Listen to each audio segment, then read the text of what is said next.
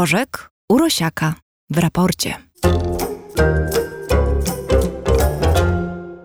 Dr Tomasz Rożek, gospodarz kanału Nauka to Lubię i stały współpracownik raportu, jest z nami po noworocznej przerwie. Witam Cię, Tomku. Dzień dobry. Chciałem z Tobą porozmawiać dzisiaj o życiu pozaziemskim, ale nie tym, które nas czeka albo nie czeka po śmierci, tylko tym jak najbardziej aktualnym.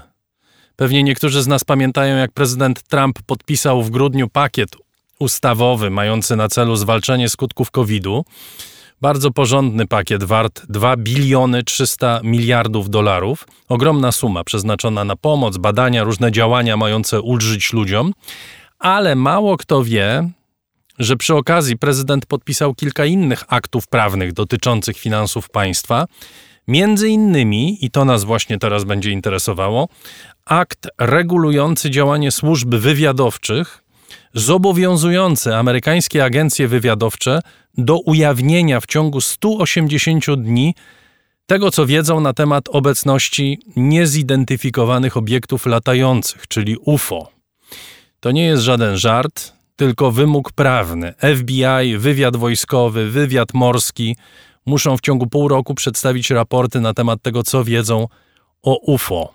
Analiza ma również obejmować potencjalne zagrożenia ze strony UFO oraz stan działań innych państw w dziedzinie kontaktów z UFO. Tomku, to trochę kosmicznie brzmi, ale to jest poważna sprawa. To jest poważna sprawa. UFO oczywiście kojarzy się z kosmosem, ale niekoniecznie musi być kojarzone, czy musi pochodzić z kosmosu. UFO to są obiekty niezidentyfikowane. Bardzo bym się zmartwił, albo bardzo bym nie chciał żyć w kraju, w którym na przykład wojsko, chociażby lotnictwo albo służby, nie interesuje się tym, co lata nad naszymi głowami. Wiele z tych rzeczy da się zidentyfikować, jest mnóstwo systemów identyfikujących, natomiast są i takie, które są niezidentyfikowane. Rozumiem, że mm, z takiego e, jakby dziennikarskiego punktu widzenia bardziej atrakcyjne jest to, żeby mm, stawiać znak równości pomiędzy UFO a cywilizacjami pozaziemskimi, natomiast nie do końca jest to uzasadnione. Ale powiedz mi jedną rzecz, bo to jest, to jest bardzo ważne. Rozumiem w, kierunek, w którym zmierzasz, ale zacznijmy może od tego, czy my mamy informacje, czy, które Amerykanie ujawnili do tej pory na temat niezidentyfikowanych obiektów latających, bo to, że istnieją teorie spiskowe y, na ten temat, to wiemy. Jest mnóstwo teorii na temat tego, kto wylądował, gdzie wylądował, na której pustyni, co ci ludzie robili, ludzie, ludziki, przybysze z kosmosu. Ale czy my mamy twarde dane dotyczące tego, co Pentagon y, wie na temat UFO? Mamy mnóstwo różnych przypadków, których nie da się absolutnie wytłumaczyć tym, co wiemy na temat fizyki, na temat fizyki lotu, na temat materiałów, które jesteśmy w stanie, nie wiem, jakoś namierzyć, jakoś zidentyfikować. Takich przypadków jest całkiem sporo. E, to nie dotyczy tylko i wyłącznie obiektów, które latają nad naszymi głowami. To dotyczy na przykład także sygnałów odbieranych z kosmosu nie tak dawno, bo to jest kwestia kilkunastu dni, został zarejestrowany, czy w zasadzie opublikowany sygnał z Proximy Centauri, który tak naprawdę można by go identyfikować z sygnałem nadanym przez y, pozaziemską cywilizację. Nie wiemy, dlaczego on wygląda tak, jak wygląda, nie potrafimy tego wytłumaczyć. Nie jest to w związku z tym dowód na to, że na pewno da, nadała go pozaziemska cywilizacja. Natomiast, chcąc być uczciwym wobec metody naukowej i wobec siebie, trzeba także takie założenie przyjąć, że być może tam ktoś mieszka, czy coś mieszka. Takich przykładów jest bardzo dużo. Mm, to, że prezydent Trump podpisał między innymi ten akt, właśnie, mm, Oczywiście my nie mamy wglądu w to, czy aby na pewno na przykład CIA wszystko ujawni. Natomiast to, co ujawni, to są setki stron, w tym zdjęcia, e, wykresy, e, pomiary, których nie da się wytłumaczyć zgodnie z, dzisiaj, z dzisiejszą naszą wiedzą. Natomiast to nałożyło się mm, na, no to jest kwestia po, początku, pierwszych dni stycznia tego roku mm, e, szef e, grupy astronomów Uniwersytetu Harvarda opublikował książkę, czy wydał książkę na temat takiego bardzo dziwnego obiektu, o którym było zresztą głośno. On przelatywał mm, niedaleko, blisko Ziemi w 2017 roku. Nie przypominał kompletnie niczego, co znamy. I ten człowiek twierdzi, że to jest statek pozaziemskiej cywilizacji. Myśmy go niestety zauważyli dopiero wtedy, jak on już się od nas oddalał. Natomiast z tych pomiarów, które zostały wtedy zrobione, mm, wynika, że nie da się tego nijak wytłumaczyć. To nie jest dowód na istnienie pozaziemskiej cywilizacji. To jest nic, to, to jest tylko tyle, albo aż tyle, co powiedziałem wcześniej. Nie da się wytłumaczyć tego fenomenu, jak i wielu, wielu innych, mm, tą wiedzą, czy przy tym zasobie informacji, jakie mamy teraz. To jest kluczowe, chyba rozróżnienie, bo my żyjemy y, oczywiście w świecie obrazków, żyjemy w świecie kultury popularnej. Jak mówimy UFO, no to widzimy film E.T., Zielone Ludziki, które mm, mają emocje bardzo podobne do naszych. Możemy się przejrzeć w lustrze, możemy się ich bać, na przykład jak w filmie Obcy, czy jeszcze w, w dziesiątkach innych y, filmów. W istocie chodzi o to, że są pewne zjawiska, które wykraczają poza w tej chwili nasze możliwości poznawcze. W kwietniu ubiegłego roku Pentagon ujawnił nagrania trzech niezidentyfikowanych obiektów latających, jak ktoś, kto się przeciętnie zna, tak jak większość z nas e, na nauce, zobaczył te obrazki, to nie wiadomo było po prostu, co na nich było widać. To jest taka specyfika UFO. Dla naukowca, przeciętnego naukowca, czy lepszego naukowca, to już jest trochę więcej mięsa, prawda? Trochę więcej materiału do przestudiowania, do pracy. Ale ciągle gdzieś jest granica naszego poznania, która nam e, uniemożliwia zrozumienie tak naprawdę, co, co, co się dzieje. Tak? Są takie zjawiska, których nie jesteśmy w stanie opisać i ich zinterpretować. Tak, i to jest super, i według mnie to jest coś, co najbardziej napędza rozwój naukowy. Z wielu różnych mm, tych napędzaczy czy tych paliw, zapewne dla niektórych, e, nawet dla niektórych instytucji, to, są, to jest rozwiązywanie konkretnych problemów które już są tu i teraz. Dla innych to jest kwestia zarobku. Wymyślamy jakieś technologie, wdrażamy je po to, żeby na nich zarobić, ale z mojego doświadczenia i tego, tego czasu w moim życiu, kiedy zajmowałem się nauką w sposób aktywny, i wielu lat później, kiedy raczej pasywnie zajmuję się nauką, raczej się przysłuchując, rozmawiając z ludźmi, którzy zajmują się nauką, wynika, że jednak największym na, takim czynnikiem motywującym jest chęć dowiedzenia się. Obserwujemy coś i bierzemy na stół, rozkładamy wszystkie podręczniki z danej dziedziny i tam nie znajdujemy odpowiedzi. I oczywiście najprostsze jest przypisanie tego na przykład, e, nie wiem, pozaziemskiej cywilizacji, jak chociażby, tutaj mam na myśli ten, e, ten obiekt, który w 2017 roku przeleciał niedaleko Ziemi. Mm, jeszcze raz mówię, bardzo dziwny, bardzo dziwny, nie mający nic wspólnego z tym, co dotychczas widzieliśmy, nie dający się wytłumaczyć, dlaczego on się w ogóle poruszał, nie przypominający komety. E, nie chcę tutaj wchodzić za bardzo w szczegóły, bo to jest tylko jeden z wielu przykładów, ale mm, jedni e, idą moim zdaniem trochę na skróty, mówiąc, to jest UFO. Kropka. A drudzy mówią, rozważmy, czy aby to nie jest UFO i badajmy to dalej.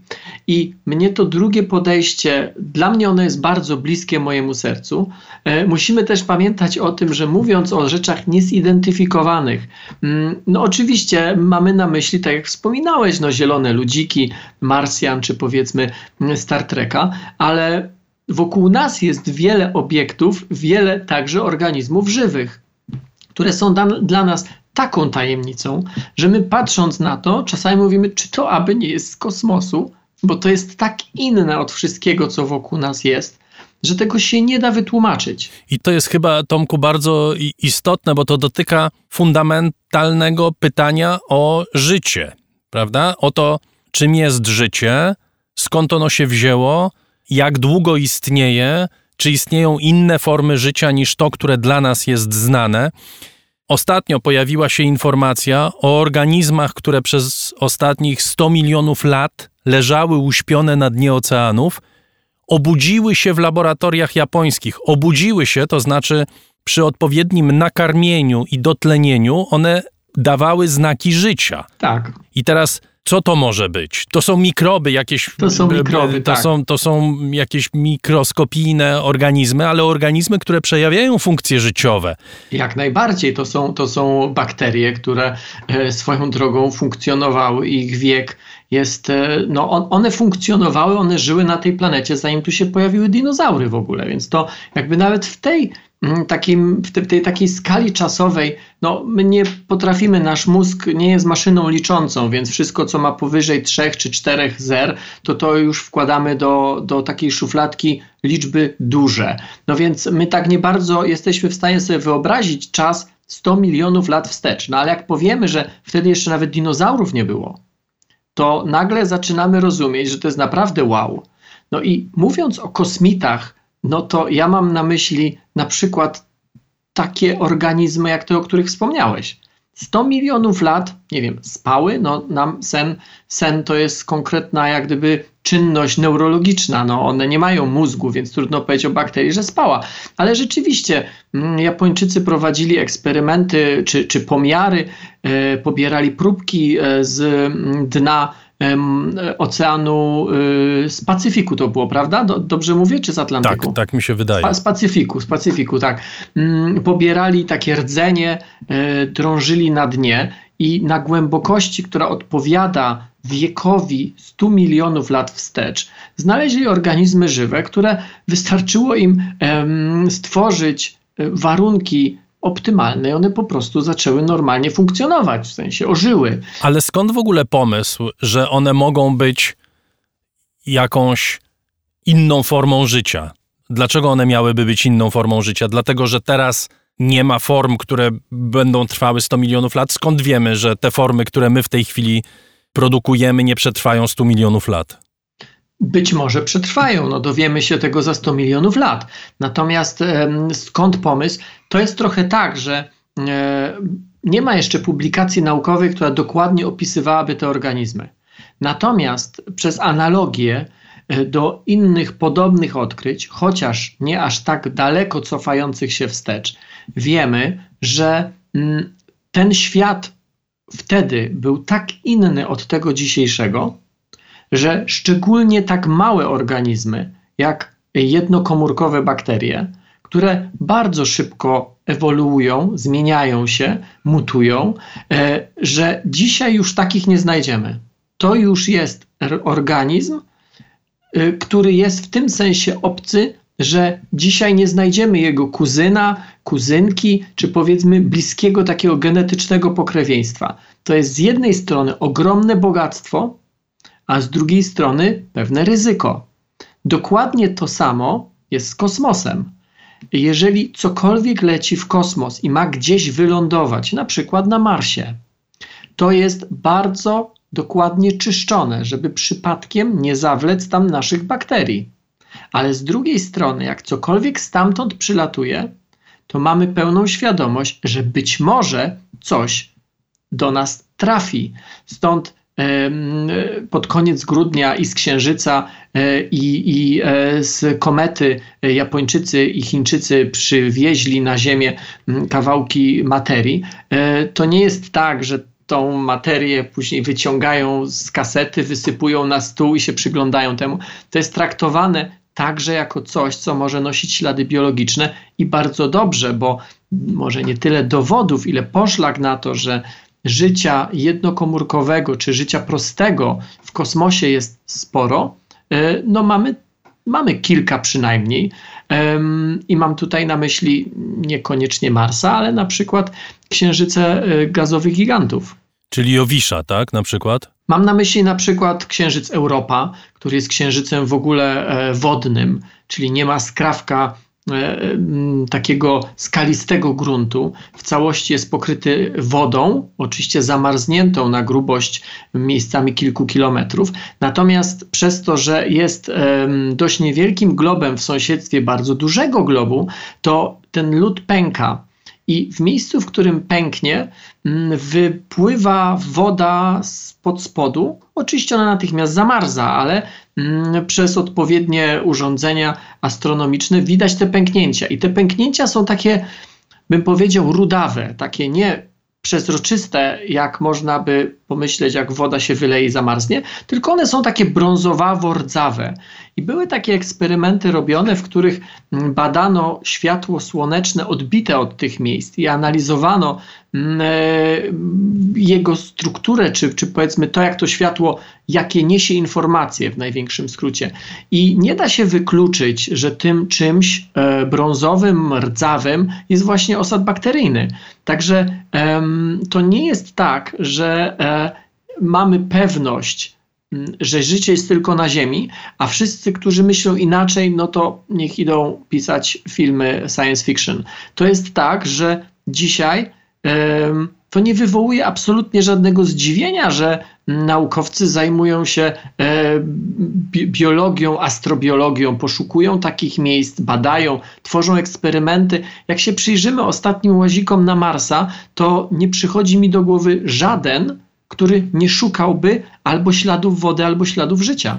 Ale my ciągle jesteśmy na etapie organizmów, jeżeli w ogóle organizmów, to organizmów nieprawdopodobnie prymitywnych. Prostych, tak. Nies nieskomplikowanych. Tak jak, jak mówimy o fosfinie w okolicach y, Wenus, to jest podobna y, debata, prawda? Czy podobne przypuszczenia oczywiście mówiąc o UFO, mamy na myśli no właśnie te albo statki kosmiczne, albo jakieś duże obiekty, albo przynajmniej może nawet nie, mogą, nie muszą być duże, niech będą małe, ale ktoś tym kieruje. Znaczy ktoś, kto ma funkcje, nie wiem... Życiowe. Ży, ży, życiowe, podobne powiem do naszych. Ci, powiem ci tak, przemawia przez ciebie i całkowicie to rozumiem, bo przeze mnie też przemawia i przez nas wszystkich to przemawia taka Hmm, znaczy, nasza wyobraźnia jest y, za ciasna, żeby wyobrazić sobie inną formę życia, ale przez inną mam na myśli nie to, że zamiast dwóch nóg mamy trzy, tylko totalnie inną, wybudowaną według zupełnie innego schematu, z innymi motywacjami, z innymi rodzajami, powiedzmy, chęci, instynktów. To nie jest powiedziane, że na przykład życie musi być oparte na węglu. Nasze życie jest. Nasze, nie mówię tylko ludzkie, ale w ogóle wszystkiego, co jest żywe na Ziemi, jest zbudowane na węglu. I woda jest uniwersalnym rozpuszczalnikiem tego życia, dlatego tam, gdzie nie ma płynnej wody, tam nie ma życia opartego na węglu. Ale być może życie może być wybudowane na przykład na krzemie, jak ono będzie wyglądało? Nie mam bladego pojęcia. Więc ci, którzy zajmują się poszukiwaniem śladów życia, czy poszukiwaniem mm, miejsc, gdzie mogłoby to życie funkcjonować, oni poszukują takich miejsc, na których mogłoby funkcjonować życie węglowe. Natomiast nie poszukują takich, gdzie mogłoby funkcjonować życie inne, bo nie znamy takiego życia, nie wiemy, czego ono by potrzebowało. Być może w ogóle taka myśl, że życie to koniecznie musi być nogi i ręce, albo na przykład jakiś centralny układ nerwowy. Na Ziemi funkcjonują organizmy, które nie mają mózgu, a równocześnie, jakbym się przyjrzeć z zewnątrz, to one niewątpliwie e, nie tylko są żywe, ale potrafią zapamiętywać, potrafią reagować, potrafią się ostrzegać, i czymś takim jest na przykład całościowo stary las który ma komunikację pomiędzy drzewami i nie tylko drzewami, rozwiniętą na poziomie, o którym my w ogóle sobie nawet nie zdajemy sprawy. To jest życie, my o tym wiemy, drzewo żyje, natomiast to ma inny rodzaj inteligencji. Dopiero zaczynamy te inne rodzaje poznawać, a od tego jest naprawdę jeszcze kawał drogi, żeby móc sobie w ogóle wyobrazić życie oparte na zupełnie innym wzorze.